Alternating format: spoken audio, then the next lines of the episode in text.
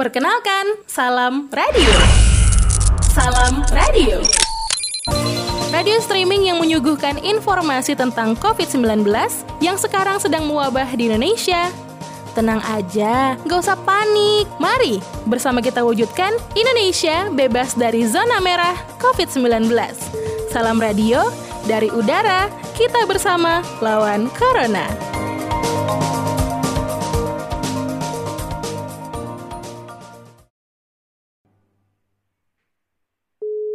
Assalamualaikum warahmatullahi wabarakatuh. Bersama Agustian di Salam Radio Pusat Krisis Pengarus Utaman Informasi COVID-19.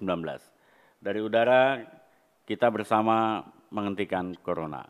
Pendengar Salam Radio, eh, pagi hari ini kita akan mendengarkan tausiah dari Bapak Ustadz Badeng Saputra dan Alhamdulillah sudah terhubung dan saya ingin menyapa Ustadz Bading Saputra. Assalamualaikum Pak Ustadz. Waalaikumsalam Pak Kiai Agustian, sehat? Alhamdulillah, terbalik. Saya harus manggilnya Pak Kiai. Pak Kiai, uh, ya, uh, Alhamdulillah ini sudah mau masuki hari ke-8 ya. Dalam melaksanakan ya, ibadah saum dan di kota Bekasi yang Pak Kiai tinggal juga sudah diberlakukan ya, okay. pembatasan sosial berskala besar. Nah, eh, Pak Kiai, mong, eh, tafadol untuk meng, eh, menyampaikan tausiah pada pagi hari ini. Siap, Pak Kiai Agustian. Assalamualaikum warahmatullahi wabarakatuh. Waalaikumsalam warahmatullahi wabarakatuh. Yang jawab salam saya hidupnya pada barokah. insya Allah nanti kita pergi ke Mekah dan ke Madinah. Pulangnya beli rumah sama tanah. Bapak Kiai Agustian yang istrinya satu besok nambah. Alhamdulillah. Amin. Assalamualaikum warahmatullahi wabarakatuh. Waalaikumsalam warahmatullahi wabarakatuh. Alhamdulillah. Alhamdulillahilladzi ja'ala ramadana miftahal li tariqil huda wa sa'adah wa asbata duhulahu biruhiti ilalihi wa ikmali hidati syahru qablah ashhadu an la ilaha illallah wahdahu la syarikalah wa ashhadu anna muhammadan abduhu wa rasuluhu la nabiyya ba'da. Allahumma salli wa sallim wa barik ala sayyidina wa habibina wa safi'ina wa maulana Muhammadin wa ala alihi wa sahbihi ila yaumil qiyamah amma ba'du. Yang senantiasa saya muliakan dan senantiasa saya dambakan segala fatwa dan mejatul hasanahnya kepada para alim ulama, guru-guru kita, dan seluruh para pendengar radio DPP Syarikat Islam Jakarta di udara kita melawan corona yang pada saat ini pada segmen penyejuk hati saya akan menyampaikan dengan tema yaitu saum dan membangun semangat kesolehan. Yang mudah-mudahan apa yang saya sampaikan ini bermanfaat untuk diri saya dan seluruh para pendengar yang berada di mana saja, wabil khusus yaitu kepada kaum syarikat Islam yang pada saat ini mendengarkan radio streaming DPP Syarikat Islam yang alhamdulillah yang terus dipandu terus oleh Bapak Kiai Agustian yang mudah-mudahan beliau dalam keadaan sehat walafiat.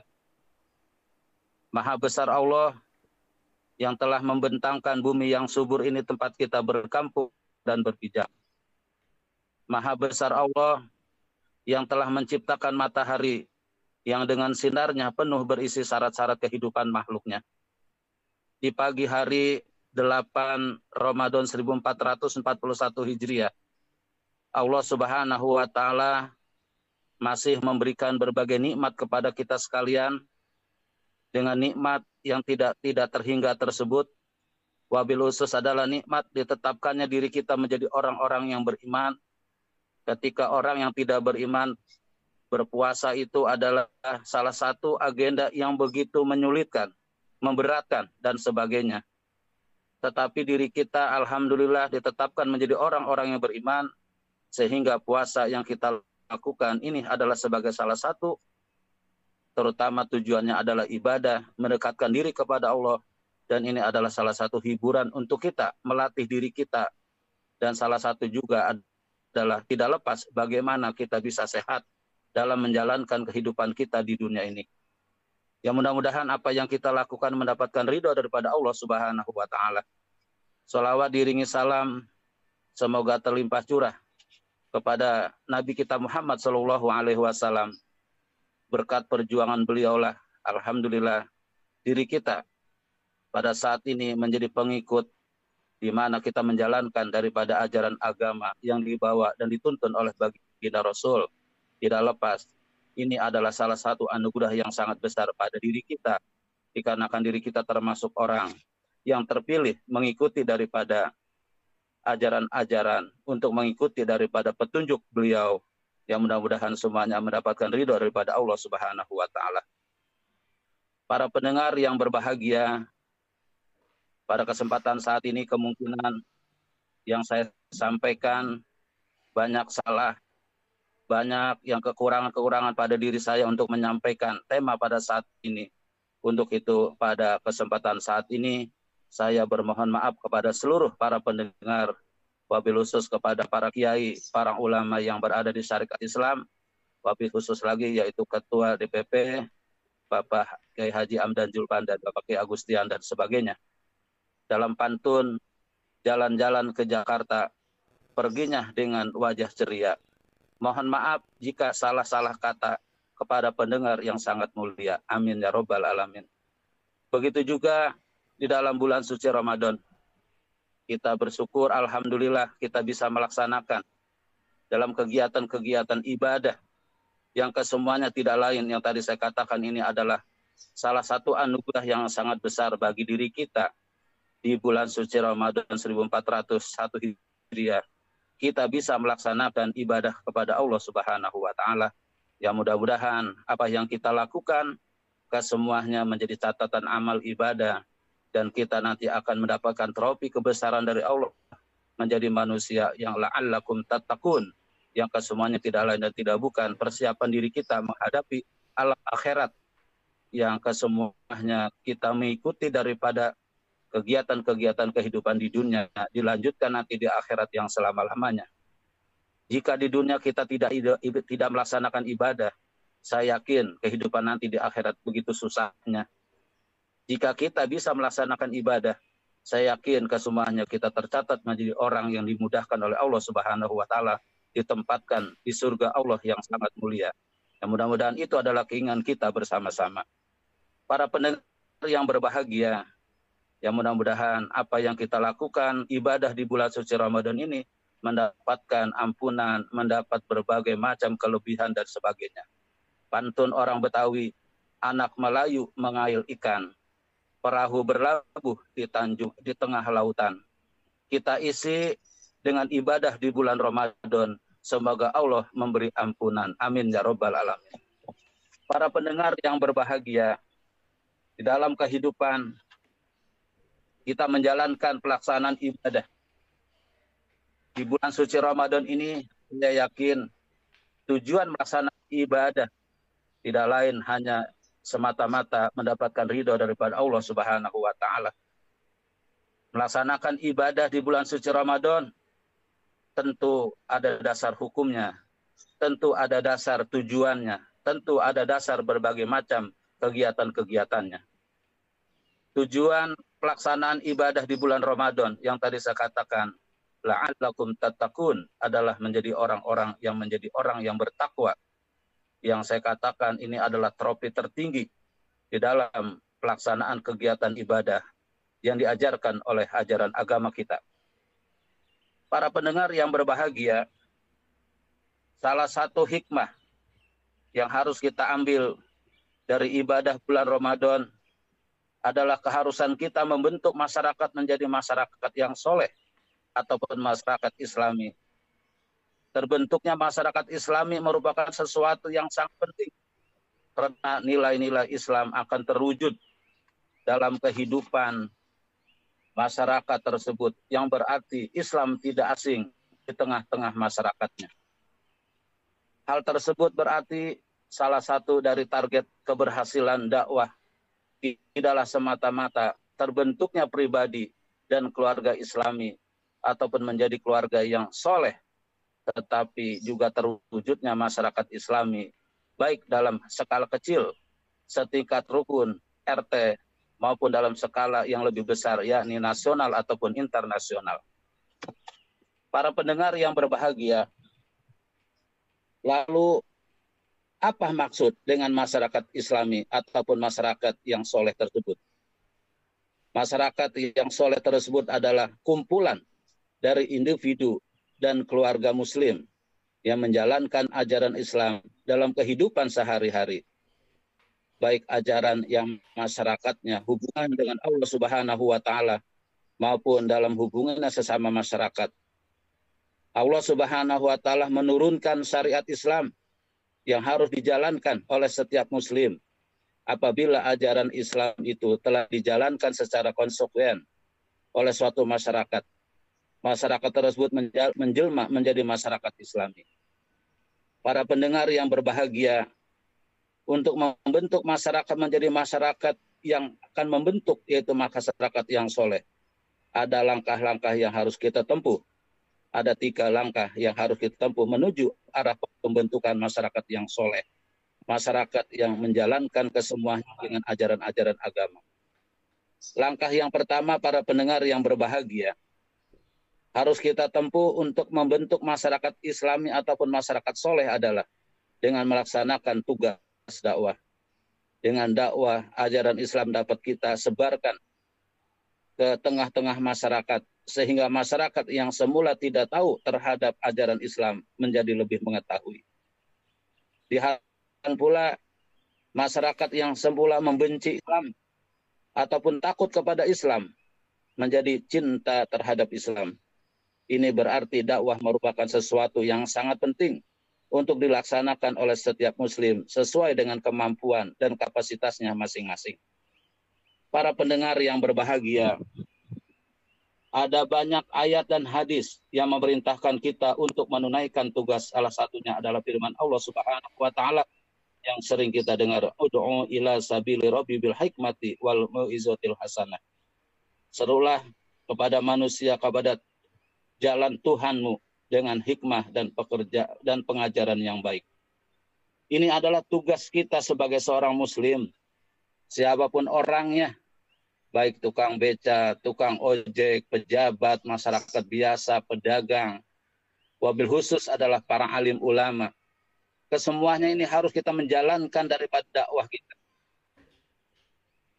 Contoh kemungkinan ketika menjadi seorang pedagang, berdakwahlah sesuai dengan dagang yang kita lakukan.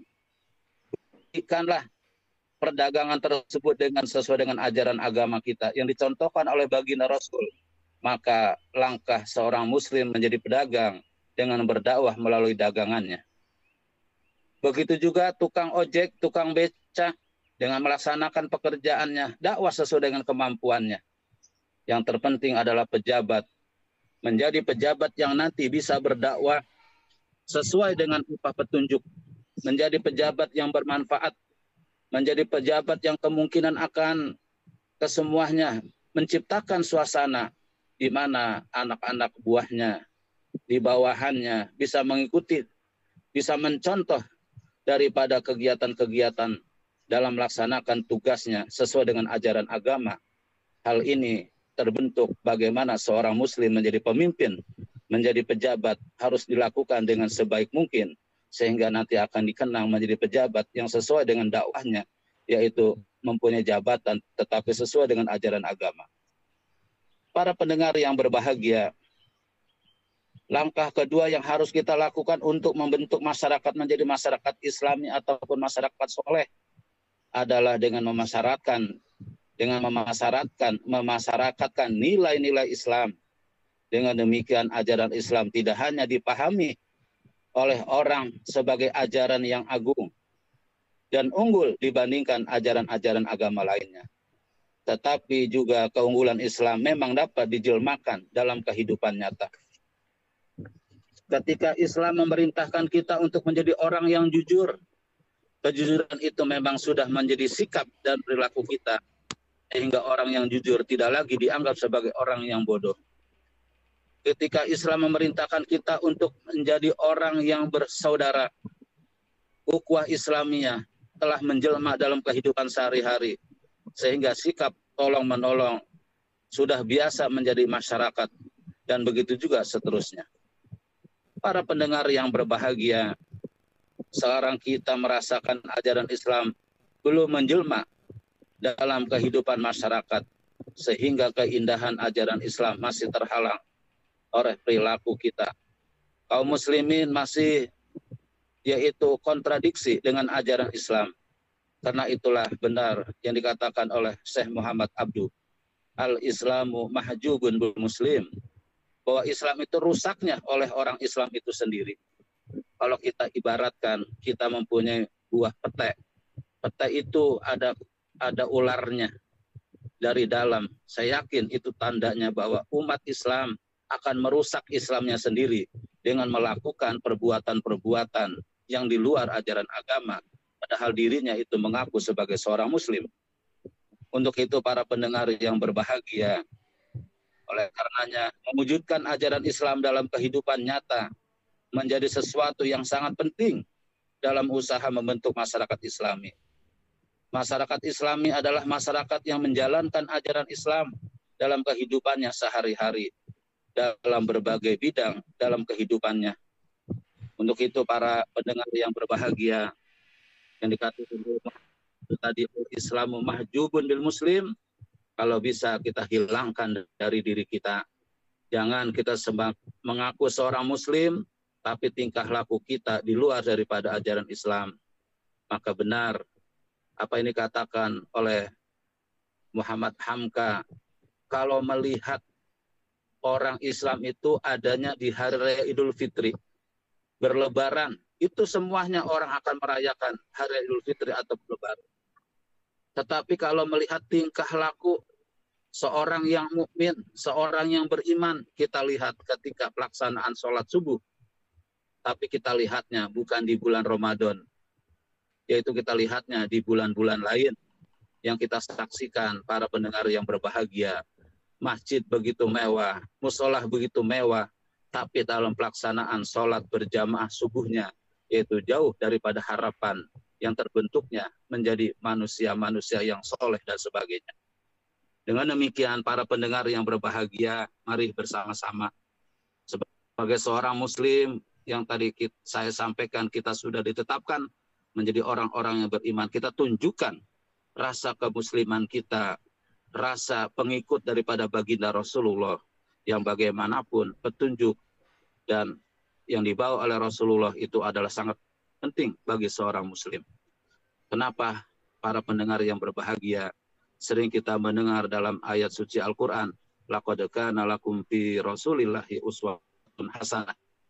Itu adalah petunjuk yang baik, contoh yang baik yang kita ikuti dari petunjuk yang dibawa oleh baginda Rasulullah Muhammad wasallam. Para pendengar yang berbahagia, langkah ketiga yang harus kita lakukan untuk membahas untuk menjadi masyarakat yang soleh, yang islami adalah dengan menggerakkan masyarakat agar melaksanakan ajaran Islam dalam kehidupannya sehari-hari. Hal itu pula dipertegas karena untuk melaksanakan ajaran Islam masyarakat kita memang harus digerakkan meskipun sudah memahami bahwa ajaran Islam itu harus dilaksanakan dan kesadarannya juga sudah mulai tumbuh. Jika tidak digerakkan atau didorong dan dipelopori daripada pelaksanaan ajaran Islam, tetap saja mereka tidak melaksanakan ajaran Islam. Oleh karena itu, dalam suatu masyarakat harus ada tenaga-tenaga penggerak untuk dapat melaksanakan ajaran Islam. Sebagai contoh para pendengar yang berbahagia, jika kita ingin mendapatkan dan merasakan teh manis, meskipun bahan-bahan untuk membuat teh manis sudah ada, tetapi saja harus digerakkan. Jika gula sudah dimasukkan ke dalam air teh, langkah selanjutnya adalah mengaduk gula agar larut sehingga air teh menjadi manis. Begitu juga dalam masyarakat, orang-orang yang sudah punya ilmu dan kesadaran untuk melaksanakan ajaran Islam harus digerakkan, didorong dan dipelopori bahwa diurus untuk sampai pada tingkat pelaksanaan ajaran Islam dalam kehidupan sehari-hari. Para pendengar yang berbahagia, dalam bahasa Al-Quran, hal ini disebutkan, yaitu amar ma'ruf nahi munkar. Orang yang melaksanakan amar ma'ruf nahi munkar adalah orang-orang yang menjadi tenaga penggerak bagi orang lain untuk melaksanakan kebenaran dan menghindari segala bentuk kemunkaran dengan melaksanakan tugas ini. Seorang muslim akan memperoleh keberuntungan dalam kehidupan di dunia maupun di akhirat. Keharusan melaksanakan tugas menggerakkan umat ke arah pelaksanaan yang ma'ruf dan menghindari yang mungkar dikemukakan oleh Allah Subhanahu wa taala dalam firman-Nya. Wal takum minkum ummatu yad'una ilal khair wa ya'muruna bil ma'ruf wa yanhauna 'anil munkar wa ulaika humul muflihun. Yang artinya dan hendaklah di antara kamu ada golongan yang menyuruh kepada kebajikan, menyuruh perbuatan yang ma'ruf dan mencegah daripada yang munkar. Dan mereka itulah adalah orang-orang yang beruntung para pendengar yang berbahagia. Dengan demikian mewujudkan masyarakat menjadi suatu yang sangat penting agar masyarakat selalu yaitu mengarah pada kebajikan. Apabila tidak berhasil mewujudkan masyarakat yang soleh tersebut, kekacauan dan kehancuran masyarakat itu bisa menjadi sesuatu yang tidak dapat dihindari. Dengan demikian, pesan-pesan di dalam kita melaksanakan ibadah di bulan suci Ramadan ini tidak lain adalah bagaimana diri kita bisa melaksanakan dalam kegiatan-kegiatan dalam melaksanakan beribadah di bulan suci Ramadan sehingga kita merasakan dan bisa mengejawantahkan pelaksanaan daripada ibadah-ibadah terutama ibadah bulan suci Ramadan yaitu ibadah saum ataupun ibadah puasa. Ibadah puasa yang kita lakukan nanti akan membentuk menjadi seorang yang bisa melaksanakan daripada kehidupannya di dunia ini lebih bagus, lebih soleh, dan nanti juga akan mempengaruhi daripada orang-orang lain. Sebagai contoh para pendengar yang berbahagia, ketika kita melaksanakan saum ataupun ibadah puasa, kita merasakan begitu laparnya diri kita, menahan daripada dahaga, haus, dan laparnya perut kita, dikarenakan perintah dari Allah yang dituntun oleh baginda Rasulullah yaitu dengan melaksanakan ibadah puasa dari kita melaksanakan waktu imsak sampai nanti maghrib ataupun ketika waktunya berbuka. Bagaimana merasakan lapar, haus dan sebagainya nanti akan membentuk menjadi seorang yang soleh bisa merasakan bagaimana penderitaan orang lain yaitu dengan tidak mempunyai rezeki, pendapatan yang tidak berimbang dengan pengeluaran, sehingga orang ini akan membentuk menjadi orang yang tidak pelit, orang yang akan memberikan sodakoh, memberikan infak, terutama menjalankan kewajibannya itu membayar zakat. Pada kasus sekarang ini, para pendengar yang berbahagia, adanya virus corona dalam pelaksanaan baik itu lockdown ataupun PSBB, banyak orang yang pada saat ini pendapatannya berkurang, banyak orang yang kemungkinan tidak lagi mempunyai penghasilan yang terbaik untuk menghidupi baik itu dirinya, keluarganya dan sebagainya. Jika kita mempunyai kelebihan dengan rezeki tersebut dari hasil puasa, hasil saum yang kita jalankan nanti akan membentuk diri kita tidak lagi yaitu merasa kita paling hebat, paling kaya, tetangga kita banyak yang susah, menderita, tetapi perasaan kita tidak melihat seperti itu.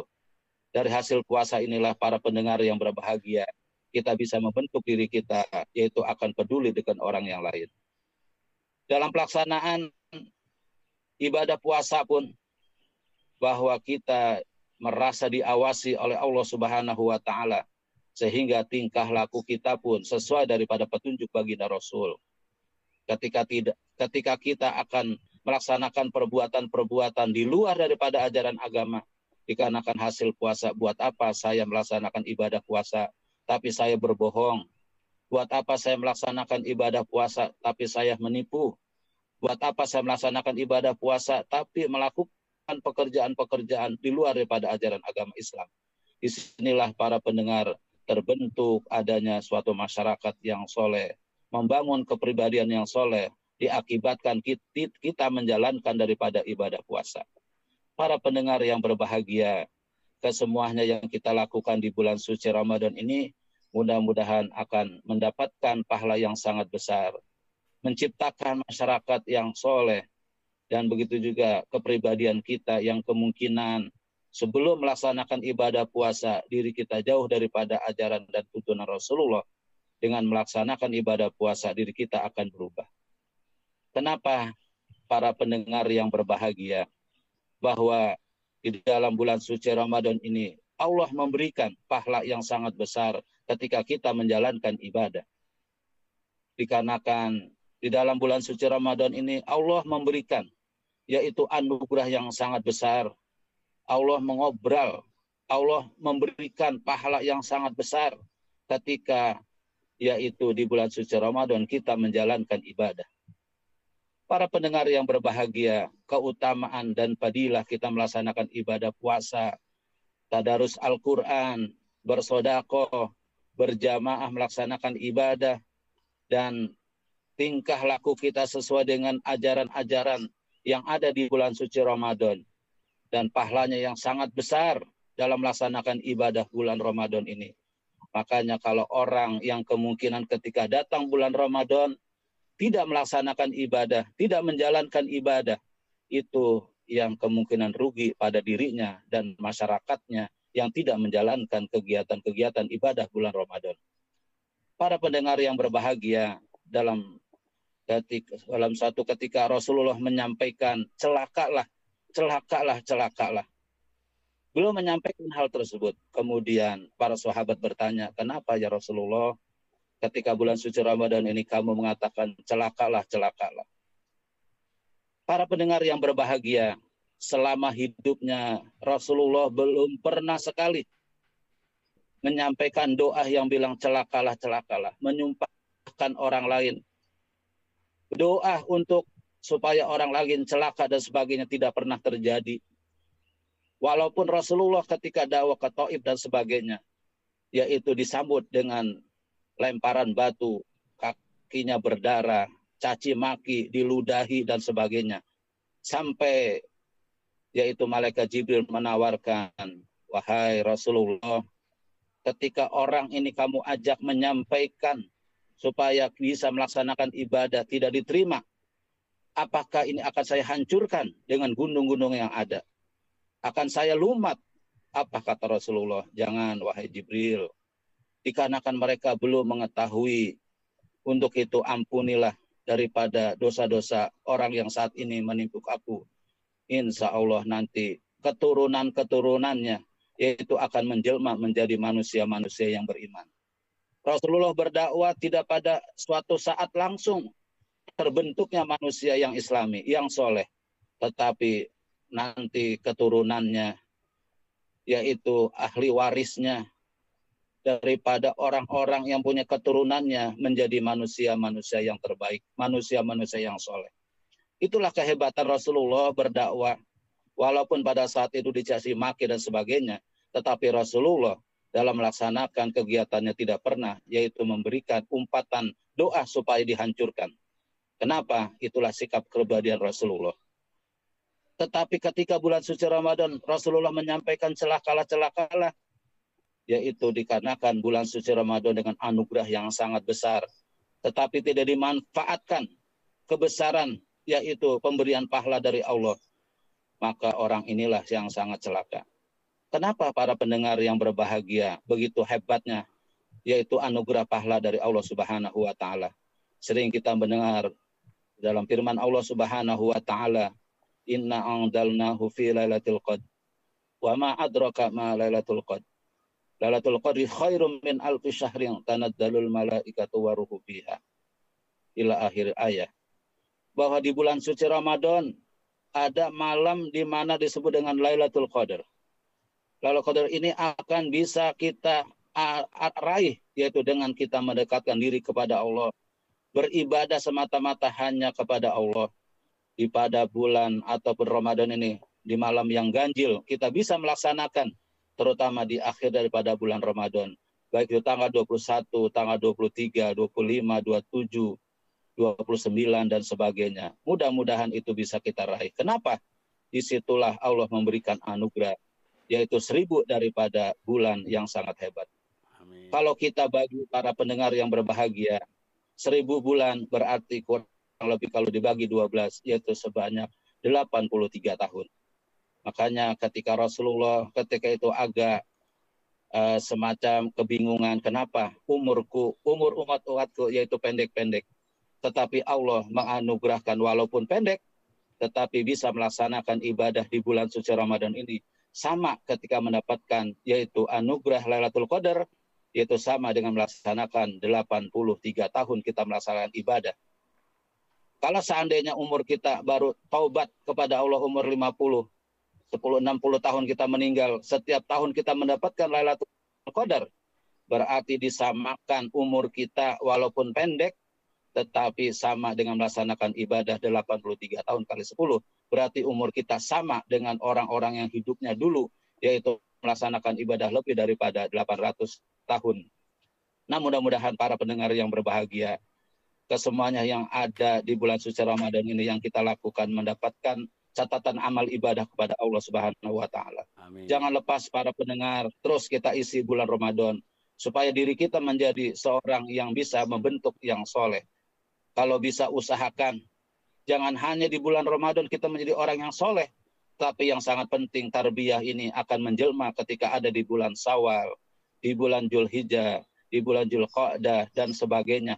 Itu nanti yang akan berpengaruh. Contoh yang saya sampaikan tadi, di bulan suci Ramadan ketika melaksanakan sholat subuh berjamaah orang banyak. Tetapi yang sangat penting adalah hasil daripada bulan Ramadan. Bagaimana sholat berjamaah subuh itu lebih banyak dibandingkan bulan Ramadan. Jika di bulan-bulan lainnya pelaksanaan sholat berjamaah subuh sedikit, berarti gagallah diri kita membentuk menjadi manusia yang la'allakum tatakun. Para pendengar yang berbahagia, barusan Bapak Agustian menyampaikan ikan sepat, ikan gabus hmm. pergi ke pasar tibat membeli obat batuk. Dikarenakan ceramahnya lebih cepat lebih bagus, dikarenakan udah pada lapar ama ngantuk. Terima kasih yang saya sampaikan. Mohon maaf, Agustian saya doakan mudah-mudahan sehat terus. Amin. Memberikan pencerahan, memberikan berbagai macam ilmu di streaming radio DPP SI yang mudah-mudahan ini bermanfaat. Mudah-mudahan corona yang ada di Indonesia cepat berlalu. Insya Allah kita menjadi manusia yang la'allakum tatakun. Yang saya sampaikan mohon maaf yang seluas-luasnya. Kekurangan datang dari diri saya. Kelebihan itu hanya milik dan kesempurnaan Allah adalah milik Allah subhanahu wa ta'ala. Kurang lebihnya mohon maaf. Billahi bisabilhaq. Wassalamualaikum warahmatullahi wabarakatuh. Waalaikumsalam warahmatullahi wabarakatuh. COVID-19 di Indonesia sudah tidak bisa dianggap sebuah candaan. Lebih dari seribu jiwa sudah dinyatakan positif COVID-19. Lantas, kalian akan diam saja? Tentu tidak. Lakukan langkah-langkah pencegahan yang pasti harus dilakukan semua orang. Pertama, melakukan aktivitas bekerja, belajar, dan beribadah di rumah. Kedua, kurangi kontak fisik seperti bersentuhan dan bersalaman.